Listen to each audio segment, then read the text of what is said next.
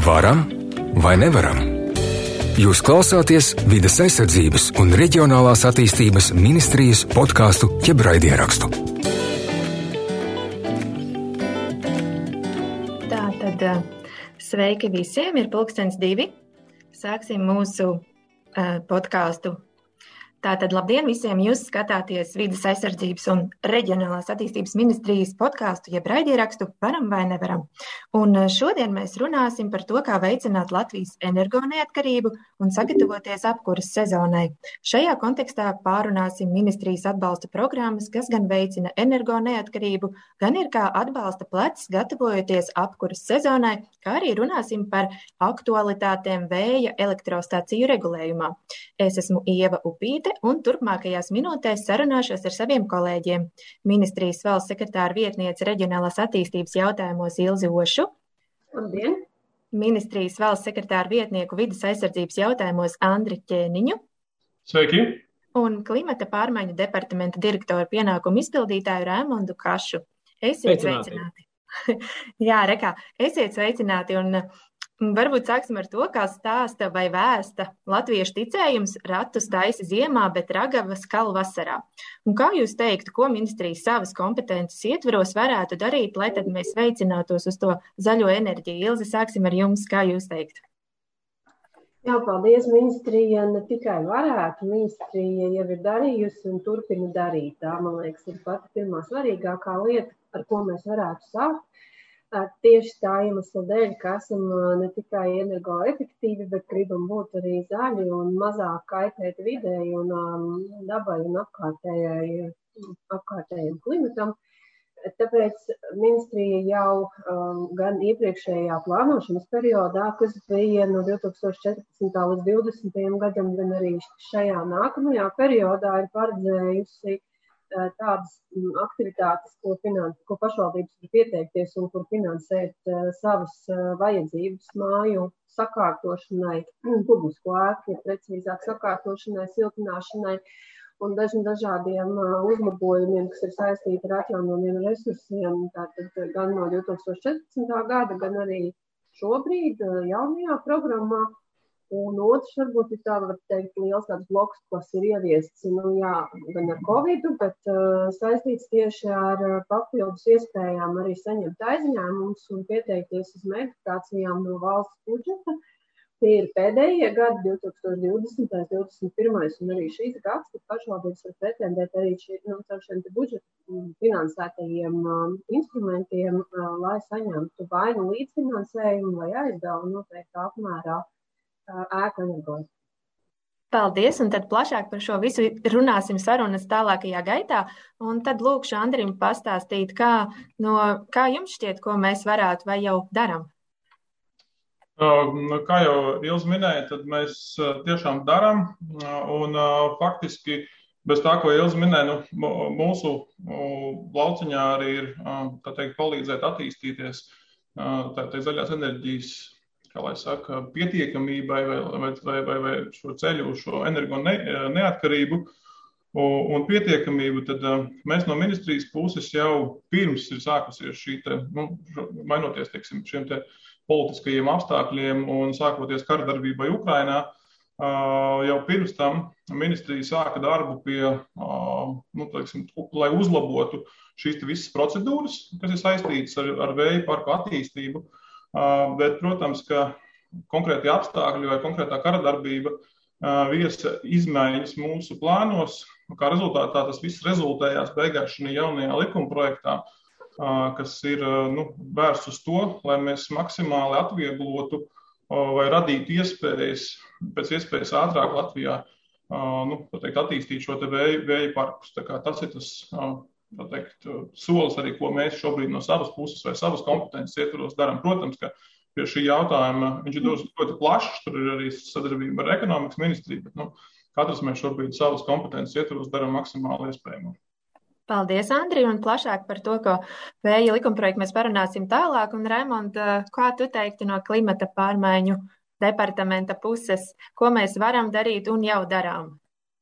Jā, es arī gribētu piekrist jau kolēģi minētajam, ka faktiski jau kopš ministrijas izveidošanas virzība uz zaļās enerģijas izmantošanas veicināšanu un energoefektivitātes pasākumu īstenošanu ir notikusi ļoti aktīvi, un, un tos, tos rezultātus var īstenībā redzēt jau arī pašvaldībās, šīs nosiltinātās ēkas dažāda veida, gan arī dažāda veida citi projekti, kas ir īstenoti dažādu finanšu instrumentu ietvaros. Uh, Un uh, arī šobrīd mēs neesam apstājušies uh, un ļoti aktīvi strādājam gan pie politiku pilnveidošanas, gan arī klimata aspektu integrā, integrācijas šajās politikās. Un, un, uh, protams, bez papildu atbalsta programmām šo politiku īstenošana ir, ir pietiekami izaicinoša.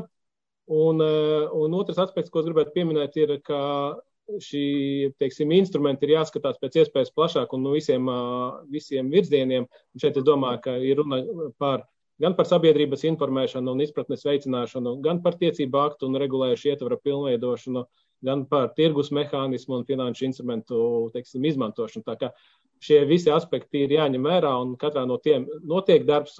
Es gribētu akcentēt, ka ministrs loma būs arvien lielāka šāda veida jautājumu risināšanā. Paldies! Paldies, Raimond. Tā tad ļoti plaša joma, bet centīsimies pašlaik sašaurināt mūsu sarunas gaitu un runāsim par uh, par to, ko mēs jau esam izdarījuši. Tātad, lai Ragavas vasarā būtu gatavas likumprojektam likums par atviegloto kārtību vēja elektrostaciju būvniecībai, enerģētiskās drošības un neatkarības veicināšanai, kas ne tikai veicinās energodrošību un neatkarību, bet arī stimulēs klimata mērķu sasniegšanu. Un Ilzi Tavs departaments ir cītīgi strādājis pie šī jautājuma sadarbībā, protams, arī ar vides bloka kolēģiem, bet pastāsti lūdzu plašāk, kādēļ bija nepieciešams veidot šo likumprojektu un kāds pašlaik ir tā status. Jā, nu, es droši vien sākšu tiešām ar to mērķi, kas tad tika uzstādīts un, kādēļ tas tāds radās. Nav noslēpums, ka vēja un faktiski kurš atjaunojamo resursu izmantošana enerģijas ražošanā ir jautājums, par ko Eiropa jau daudz gadus diskutē un kur ar vienu vai otru šeit instrumentu ieviešanu ir sekmējies nu, raitāk nekā pie mums. Un um, kolēģi no vidas un, un, un klimata pārmaiņu departamentiem arī droši vien pieminēs, arī Latvijā ir savi plāni un, un pienākumi šajā te uh, atjaunojamo resursu izmantošanas jomā, lai mēs ražotu enerģiju. Uh, tāpēc mums šie plāni būtu jāizpild un šie mērķi būtu jāsasniedz. Uh, sākotnēji iztaujājot uh, nozares un uh, arī ieklausoties tajā viedoklī, kas publiskā telpā izskanēja, tika identificēti divi tādi būtiski šķēršļi, kas uh, traucē uh, komersantiem attīstīt šo vēja enerģijas ražošanu. Un uh, šis pirmais aspekts, kas tika minēts, bija salīdzinoši garš un laikietilpīgs un sarežģīts ietekmes uz vidu novērtēšanas process. Savukārt otrā sadaļa, par ko um, komersanti bija ilgstoši diskutējuši un, un saskārušies ar grūtībām, bija tieši tālākā sadarbība ar pašvaldībām, ar vietējās teritorijas gan plānošanas nosacījumiem, gan arī jau pēc plānošanas nosacījumu izpildes tieši ar tādiem būvniecības ieceres dokumentu vērtēšanas un dažādiem nu, tādiem lēmumiem par jautājumu atlikšanu vai, vai, vai teiksim, pagarināšanu, kas aizņem salīdzinoši ilgu laiku, vai arī atteikumu, par kuriem arī mēs zinām vairākas tiesvedības, kuras šo jautājumu arī ilgstošā laikā Latvijā risināja. Tādēļ tika nolēmts, ka uh, vajadzētu izvērtēt to, vai un ko mēs varam atvieglot, uh, nepazaudējot arī vienlaikus to pienākumu pret vidi, nepazaudējot arī to vajadzību aizsargāt mūsu īpaši aizsargājumās dabas teritorijas vai mm, putnu un, un uh, augu valsti. Uh, un arī paskatīties, vai un kā mēs varam atvieglot uh, tīri procedūras, kuras jebkuram attīstītājam ir jāaiziet, lai šo vēju parku attīstītu un uzbūvētu tieši pašvaldību teritorijā. Un tieši šā arī uh, Um, darbs notika divās sadaļās, gan tajā vidas sadaļā, vērtēt, ko mēs varam samazināt, ko mēs varam pārvērtēt, ko mēs varam varbūt pie sevis paši izdarīt um, mērķiecīgāk un metodiskāk pareizi. lai nav pie tā jautājuma jāatgriežas un katru reizi pēc no jauna jāizlemj. Un arī, ko varam uh, gan termiņos, gan arī procedūrās sakārtot uh, vai pārvērtēt tieši jau vēlāk būvniecības ieceres izskatīšanā un būvļauju izsniegšanā, lai varētu šie objekti gan, gan raiti saskaņoti tiktu, gan arī ļauts viņiem uzsākt būvniecības ieceres realizāciju, ja precīzāk būtu. Tās bija divas tādas būtiskas sadaļas. Tad droši vien tālāk jau arī par, par vidas ja mēs gribam detaļās, ko varētu Andris izstāstīt. Jā, to Andris pēc tam pastāstīs, bet tu nepaspēji pastāstīt, kāds ir status likumprojektam pašlaik.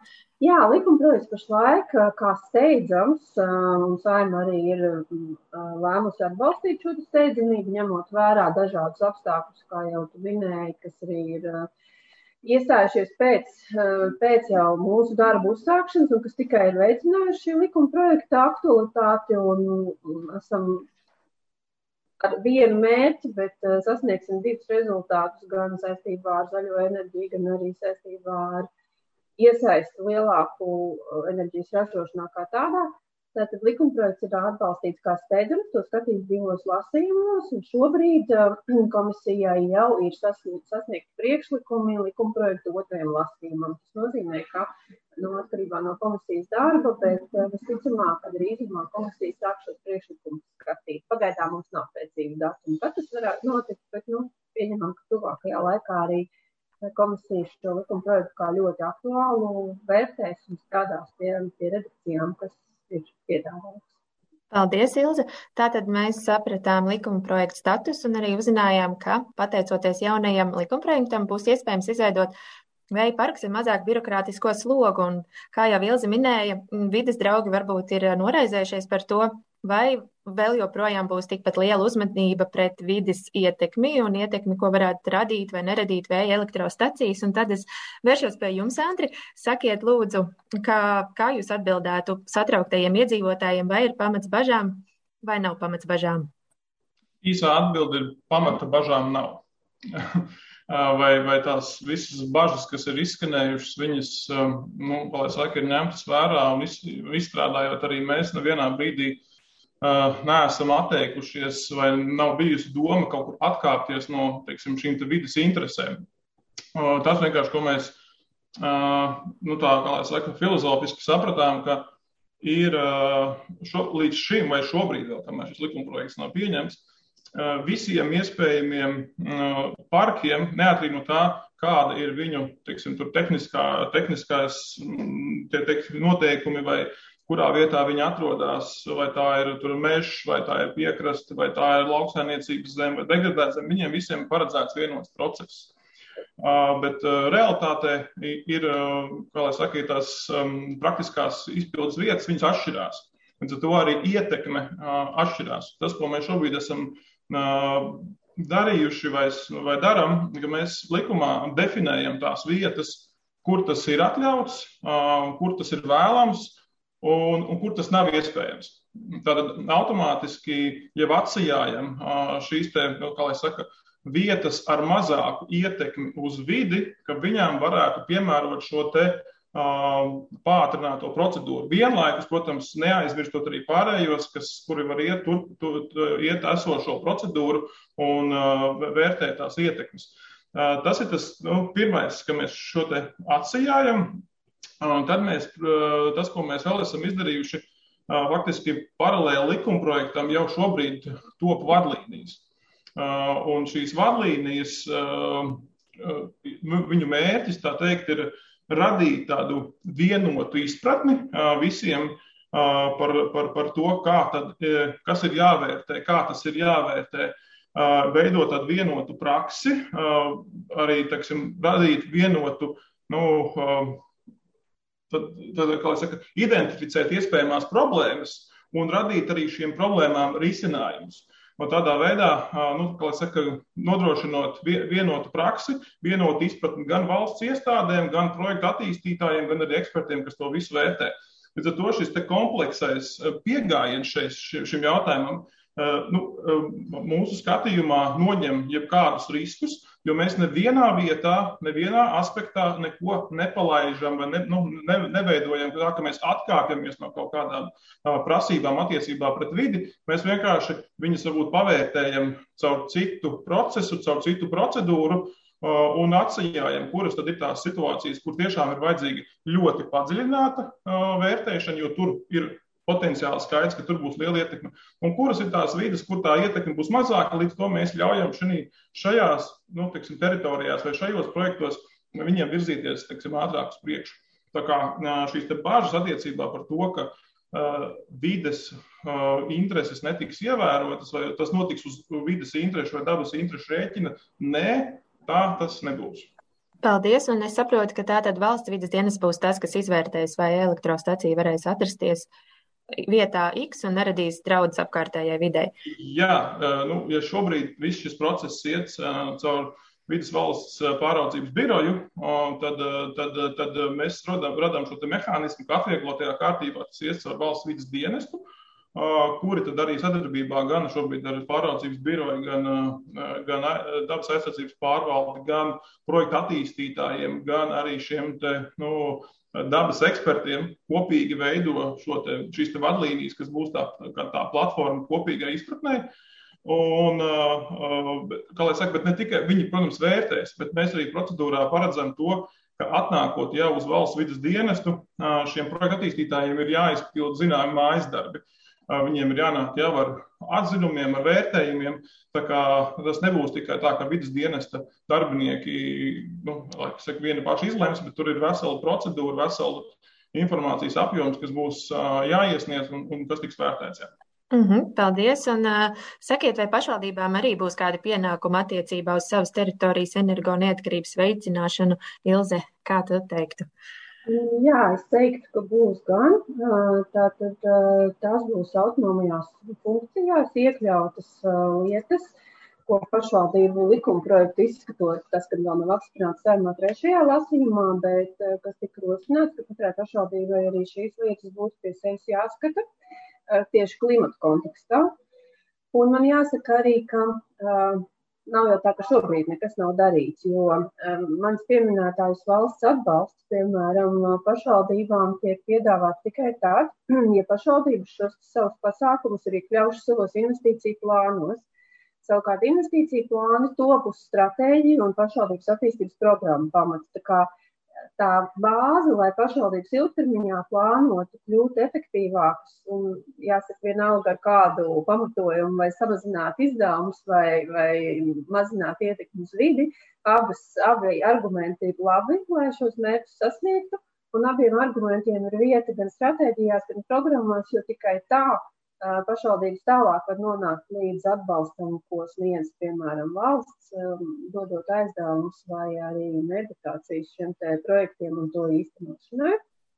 Protams, jāpiemina arī reforma, par cik tā arī ir mūsu darba kārtībā bijis jautājums. Visām apvienotajām pašvaldībām arī bija pienākums pārskatīt un izstrādāt no jauna savus attīstības plānošanas dokumentus. Uh, tās pirmās redakcijas līdz pagājušajam gadam jau bija jāapspriež, bet tagad notiek darbs pie to pilnveidas. Un arī šeit, droši vien kolēģi arī no klimata departamenta papildinās, ja nepieciešams arī šeit, šobrīd šie akcenti arī strateģiskajos dokumentos pašvaldībām mēs arī mudinām iekļaut iekšā tieši tos jautājumus, kas ir saistīti ar klimata neutralitāti un visiem tiem mērķiem, kas mums ir jāsasniedz, jo uh, nu, pašvaldības ir daļa no valsts, un pašvaldības veido valsts. Līdz ar to, lai mēs šos mērķus sasniegtu, tieši pašvaldību loma ir ļoti būtiska. Mm -hmm, paldies, jā, Ilzim pieminēja Raimondu, un es arī Raimondam vēlējos jautāt. Tātad viens no ieguvumiem iedzīvotājiem būs energoresursu izmaksu samazinājums, izmantojot atjaunojumu enerģiju. Taču, Raimond, palīdz mums saprast, kā tas palīdzēs klimata mērķiem. Jā, um, Jāsaka tā, ka ilgspējīga enerģētika ir viens no virzieniem, kādā virzīties uz klimata neutralitātes sasniegšanu. Un, un skaidrs, ka energoefektivitātes pasākumu īstenošana un ar atjaunojumu energoresursu tehnoloģiju plašāka izmantošana mazinās nepieciešamību pēc fosiliem resursiem. Tas ir tas pirmais tiešais rezultāts, ko var sajust. Un, un šī resursu samazināšanās apjoms ir tiešā veidā saistīts ar emisiju apjomu, kas tiek aprēķināts un kas tiek radīts Latvijā. Un, attiecīgi, no šī, šī aspekta skatoties, jebkurš dabasgāzes, akmeņogļu, dīzeļdegvielas samazinājums dod tikai iegūmus Latvijai, un mēs to redzēsim uh, energobilances kontekstā. Un, uh, un tādēļ klimata politikas kontekstā ir svarīgi, lai, lai, lai šādas rīcības, kad mēs runājam par uh, dažādu veidu projektiem, būtu gan kā biznesa modeļi, tātad es runāju par, gan par saules un vēja parkiem, kas tiek veidot Latvijā, kas nodrošina šo lielāku enerģijas apjomu saražošanu un piedāvāšanu tirgu, Un nemazāk būtiska nozīme ir arī individuāliem risinājumiem, kas ir attiecināmi uz maisaimniecībām, uz pašvaldību un valsts ēkām un arī uzņēmumiem, kad var izmantot šos lokālos risinājumus, lai mazinātu enerģijas patēriņu, aizvietošanu no fosilām energoresursiem tam līdzīgi. Tā, kā, tā diversifikācija dažāda veida resursos un projektos ir ļoti nepieciešama, ļoti nepieciešama tīpaši ņemot vērā esošos apstākļus. Tā kā Es, es, es gribēju teikt, ka šīs aktivitātes viennozīmīgi ir virziens virz ceļā gan uz 30. gada mērķu sasniegšanu, gan arī uz klimata neutralitāti 50. gadā. Nu, re, un uh, tu jau arī ierunājies, ka kopš marta mēs piedāvājam iedzīvotājiem iegādāties visa veida, visa veida saules paneļus, vēja ģenerators, un tu jau noteikti nosauks tālāk, lai nomainītu fosīlo apkuri pret energoefektīvāku un arī atjaunojamo enerģiju izmantošanu. Tad pastāst lūdzu par mūsu atbalsta programmu, kā tai pieteikties un ko, kādas aktivitātes tā atbalsta. Jā, faktiski jau tika pieminētas visas tehnoloģijas. Tātad atbalsta programmas ietvaros ir trīs atbalsta virzieni. Tātad pirmais ir esošo fosīlo kurināmā iekārtu nomaiņa. Tātad gāzes katlu, akmeņogu katlu, dīzeļdegvielas katlu nomaiņa pret siltumsūkņiem, biomasas katliem, saules kolektoriem. Tātad tā ir pirmā aktivitāte. Otra aktivitāte saistīta ir ar jaunu elektroenerģijas ražošanas iekārtu iegādi. Tātad mēs runājam par saules paneļiem un par vēja ģeneratoriem. Un trešā aktivitāte ir saistīta ar pieslēgumu centralizētajā siltumapgādes sistēmā. Tātad šīs ir trīs, šie ir trīs virzieni, viņus arī var kombinēt. Tātad īpaši pirmās divas aktivitātes par iekārtām var savstarpēji kombinēt un izmantot vienotā sistēmā. Protams, iedzīvotāju ziņā paliek, kā izvēlēties konkrētai situācijai atbilstošu risinājumu un attiecīgi rīkoties. Par pieteikšanos, tātad atbalsta programma ir veidota tā, lai būtu pēc iespējas vienkāršāka, un tajā pat laikā iedzīvotājs arī saņemt atbalstu pēc iespējas ātrāk. Šeit ir tā varbūt nianse atkarībā no, atšķirībā no citām atbalsta programmām, kur notiek projekta iesniegšana, vērtēšana vairākus mēnešus, projekta līguma slēgšana, kas aiziet 3, 6, 9 mēnešus uh, uz priekšu. Tad šajā programmā mēs esam virzījušies uh, mazliet savādāk, un, un tad, tad programmai varētu iedalīt trīs tādus lielos soļus, kādā veidā var pieteikties un iegūt šo finansējumu. Tātad pirmais solis ir iekārtu izvēle un iegāde. Tātad iedzīvotājs pats izvēlās uzņēmumu, no kura iekārtu iegādāsies, pēc iekārtas iegādes viņš nodrošina šo iekārtu uzstādīšanu ēkā un attiecīgi nodošanu no eksploatācijā. Tātad es kā iedzīvotājs aizēju uz uzņēmumu X, nopērku saules paneli, uzņēmums Y iespējams uzstāda viņu uz jumta, tātad aktivitāte pirmais solis ir noslēdzies. Tad, kad tas ir izdarīts, eh, ir jāsagatavo eh, projekta iesniegums. Tātad projekta iesnieguma veidlapa ir eh, ļoti vienkārša, gribētu teikt. Viņa ir pieejama arī internetu vidē EKI mājaslapā. Linkus var atrast gan mūsu mājaslapā, gan arī investīciju fonda mājaslapā un citur publiskajos tīklos. Tātad ir jāsagatavo šī projekta iesnieguma veidlapa un attiecīgi jānosūta uz uh, norādīto e-pasta adresi. Klāt pievienot attiecīgi dokumentus uh, pēc tehnoloģijas, kādu veidu jūs uzstādījāt, jo tur var atšķirties, nu, saules panelis vai tas ir biomasas katls. Tātad, tad, kad tas ir izdarīts, jūs iesniedzat fondā šo, šo pieteikumu, fonda pārstāvji, vidas investīciju fonda pārstāvji veic projektu iesniegumu izvērtēšanu.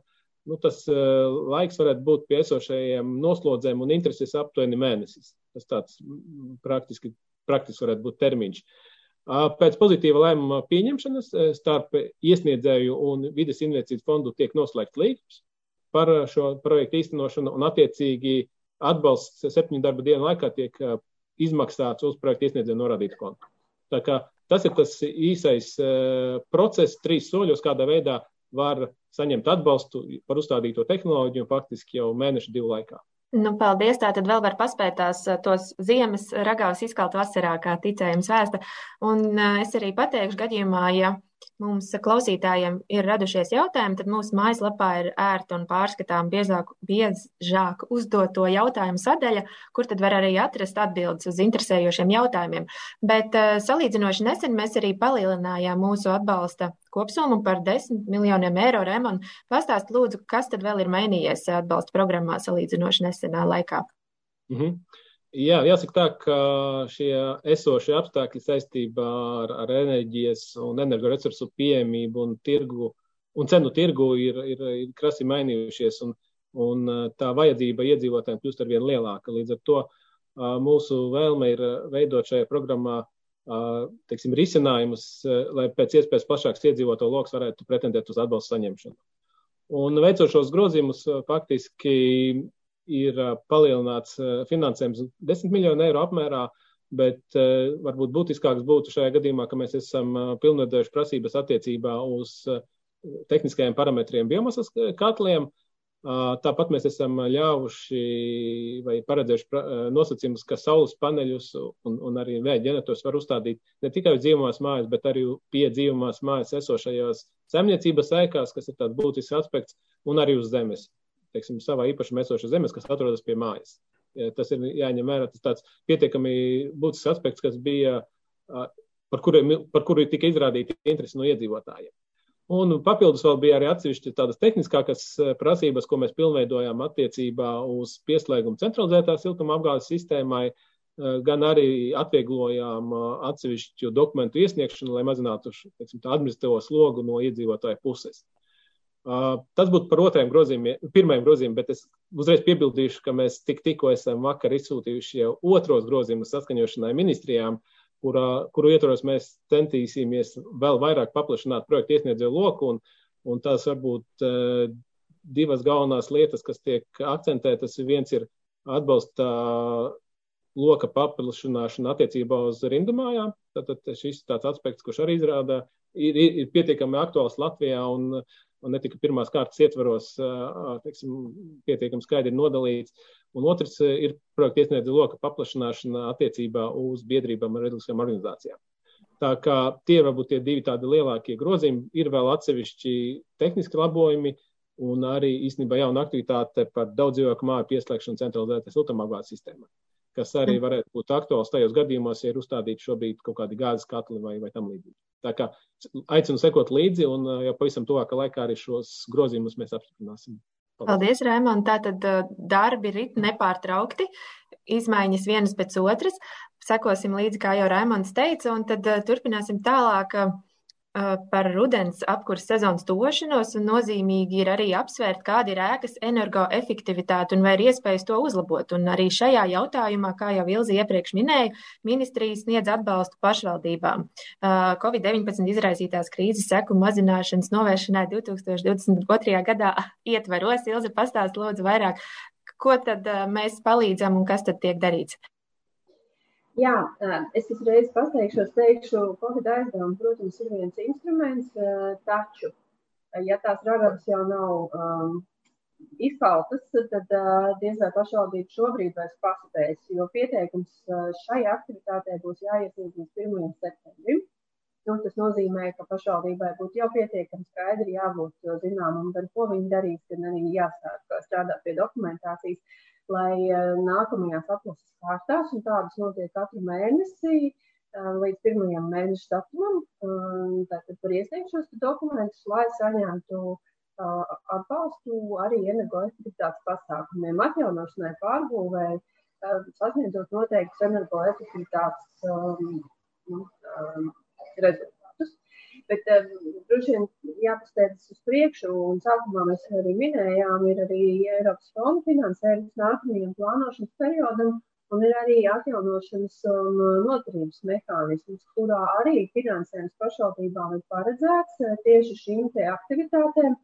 Un te nu um, tie, kas ne, nepaspēs vai kādi citi ārēji apstākļi kavēs eh, pieteikties meditācijām vai, vai pat reizāk sakot, Covid aizdevumiem tā saucamajiem, Būs iespēja nākamā gada pirmajā ceturksnī mēs tā plānotu arī pretendēt uz finansējumu jau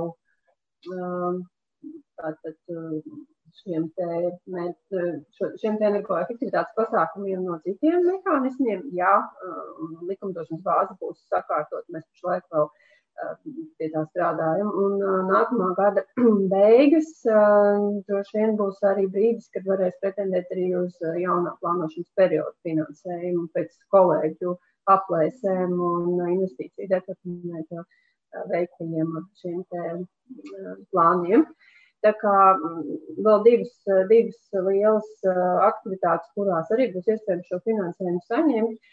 Man jāsaka arī tas, ka skatoties pašvaldību aktivitāti, pies, piesakoties tieši Covid aizdevumu sadaļā, vislielākā aktivitāte energoefektivitātei bija 2020. gadā.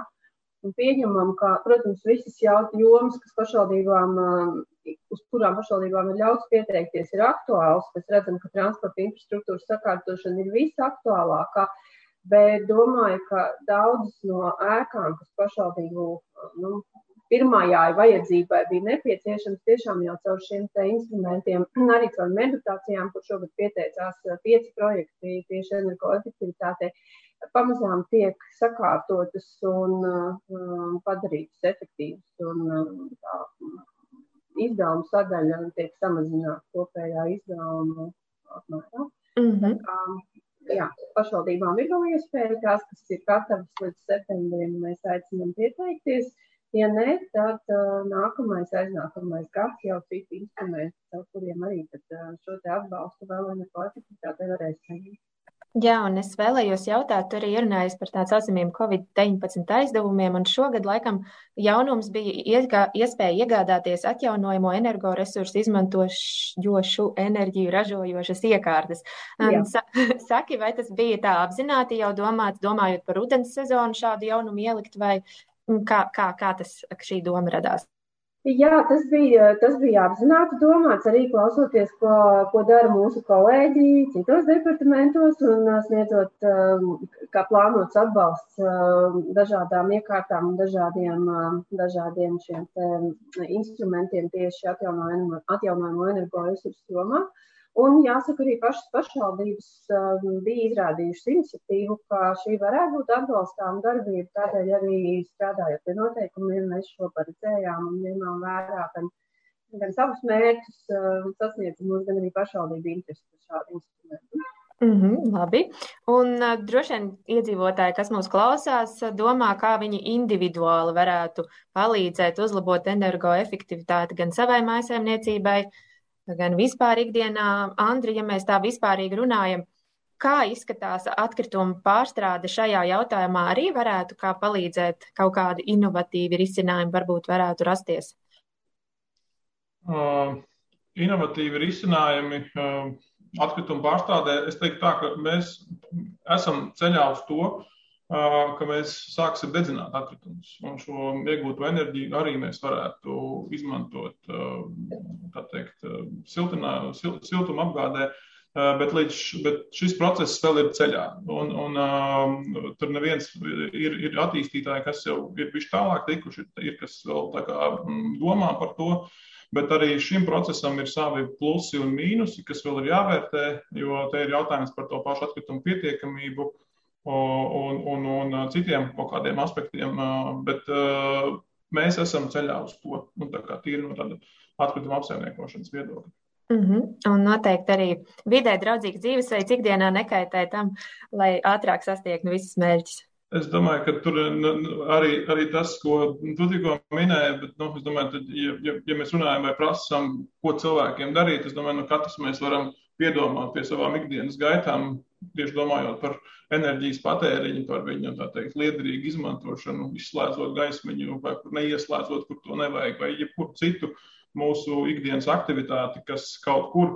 Un droši vien, ka tā jau ir tā, kā lai saka, un mēs to nepamanām, bet ja tu ikdienā pa mazam solītim, pa mazam solītim, tad kaut kādā laika periodā tas uh, ieguvums pēc būtības ir diezgan liels. Un, kā tiešām es aicinātu visus piedomāt pie šiem aspektiem, ne tikai domājot par vidi, bet domājot varbūt arī par saviem maciņiem, jo tas tāpat summējās. Mm, un noteikti arī pārvietošanās ar elektroautorātu ir gan energoefektīvāka, gan arī maciņam un vidē draudzīgāka. Un uh, droši vien tas palīdz arī vidas aspektos. Nu, elektroautorāta noteikti ir tas, kas um, būtu teikt, uh, viens no galvenajiem piesārņotājiem pilsētā, gaisa piesārņotājiem, ir tieši automobīļi. Līdz ar to, jo mums pilsētās būs vairāk elektroautorātu, jo tas gaiss un dzīves kvalitāte un ietekme uz veselību būs daudz mazāka. Tas ir arī aspekts, kas ir jāvērtē. Un droši vien, ka ne, nevienmēr domājot par, kā lai saka, par par, par, par, par to auto iegādi, piemēram, varbūt ir jāskatās, cik šodien man viņš izmaksās, vai viņš man būs varbūt pāris eiro, vai, nu, ok, nebūs pāris, bet būs kaut kāda starpība. Bet tie ieguvumi, kas nāk līdz, gan salīdzinot teikt, šos te, nu, izmaksas par, par lietošanu, par enerģijas patēriņu un varbūt skatoties globāli plašāk ietekmi uz vidi, uz veselību, es domāju, ka šie aspekti, viņi ir varbūt tādi šodien uzreiz netaustāmi, bet viņi arī būtu teikt, katram jāpārvērtē un jāsaprot, uh, ko es varu darīt, un ja es varu, tad es daru. Mm, un vēl ko var darīt, ir pieteikties ministrijas atbalsta programmām elektroauto iegādai. Un Raimond paturpina, lūdzu, tas nosaukums bija garāks, un ko, ko, ko tad var iegādāties ar šo atbalstu? Jā, es, ar, es arī vēlos piebilst, ka īstenībā ka šī ir tāda vides un klimata ļoti cieša sinerģija, kurā var redzēt, ka viena aktivitāte, tieši elektromobīļu ieviešana, noder dažādām politikām. Un, un skaidrs, ka fosilo resursu mazināšana ir ļoti būtisks jautājums. Un, un, ja to var apvienot to kopā ar kādām atjaunotām energoresursu tehnoloģijām, tas vispār ir izcili. Bet, ja runājam par atbalstu programmu, jā, ir, ir kopš gada sākuma arī ministrija ir izstrādājusi atbalstu programmu Un šī atbalsta programma paredz sniegt atbalstu fiziskam personām jaunu un lietotu elektromobīļu iegādē un jaunu ārēju lādējumu hibrīdu auto iegādē. Tātad kopējais programmas atbalsta apjoms ir 10 miljoni eiro.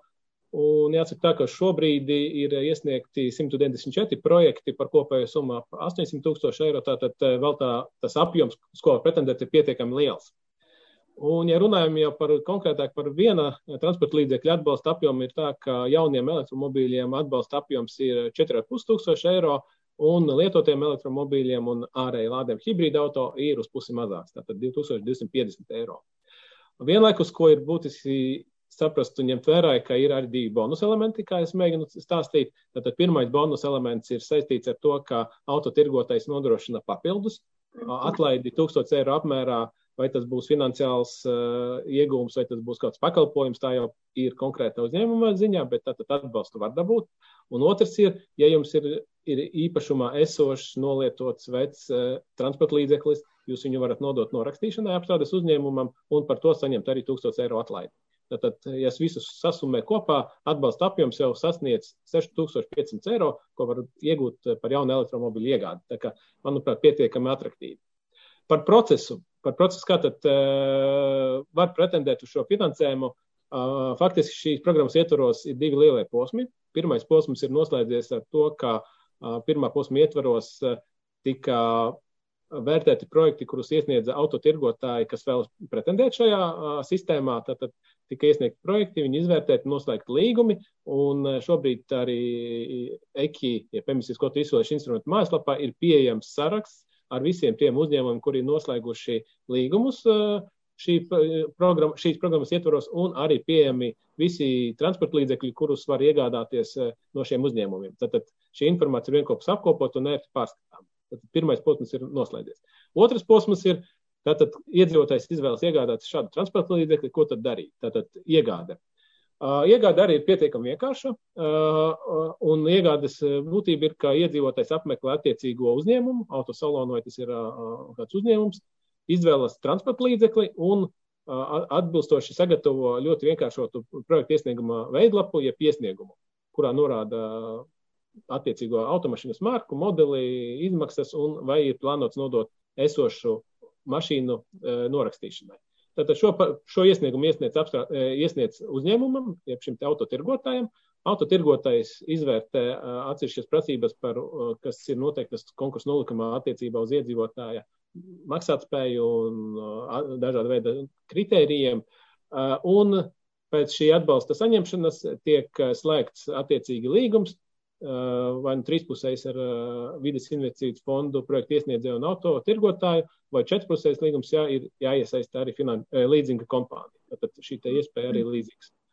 Un, attiecīgi, jā, šis process vērtēšanā ir uzņēmuma pusē piecas darbdienas, tad, kad līgums tiek noslēgts, un, attiecīgi, iedzīvotājs iegādājas transporta līdzekli un uzņēma jau ar samazināto, teiksim, atlaidi, jeb šo bonusu. Tātad, ja mašīna maksāja 3000, atņemam 4500 eiro nost, tad, tad mašīnas cena būs 2000, 26, 25500 eiro. Tā kā pietiekami īsts process, lai iedzīvotājiem nebūtu jāmeklē varbūt cita veida kaut kāda projekta iesnieguma, kas jāsniedz ministrijai, bet tas viss notiek uz vietas sadarbībā ar salām. Tā, Jā. Paldies! Paldies! Un tātad atkārtošu vēlreiz, ja vēl kādam ir jautājumi, tad tos var atrast ministrijas biežāk uzdoto jautājumu sadaļā. Tur arī ir atbildes uz jautājumiem par elektroauto programmu. Nu, mūsu laiks ir iztecējis šodienas. Es saku lielu paldies maniem sarunbiedriem, vidas aizsardzības un reģionālās attīstības ministrijas reģ, um, valsts sekretāra vietniece reģionālās attīstības jautājumos Ilze Oša piedalījās. Uh, valsts sekretāra vietnieks vides aizsardzības jautājumos Andris Ķēniņš un klimata pārmaiņu departamenta pienākuma direktora pienākuma vietas izpildītājs Raimonds Kašs. Paldies jums visiem! Un tiekamies nākamajos podkāstos Varam vai nevaram. Visu labu! Visu labu! Visu labu! Varam! Tā.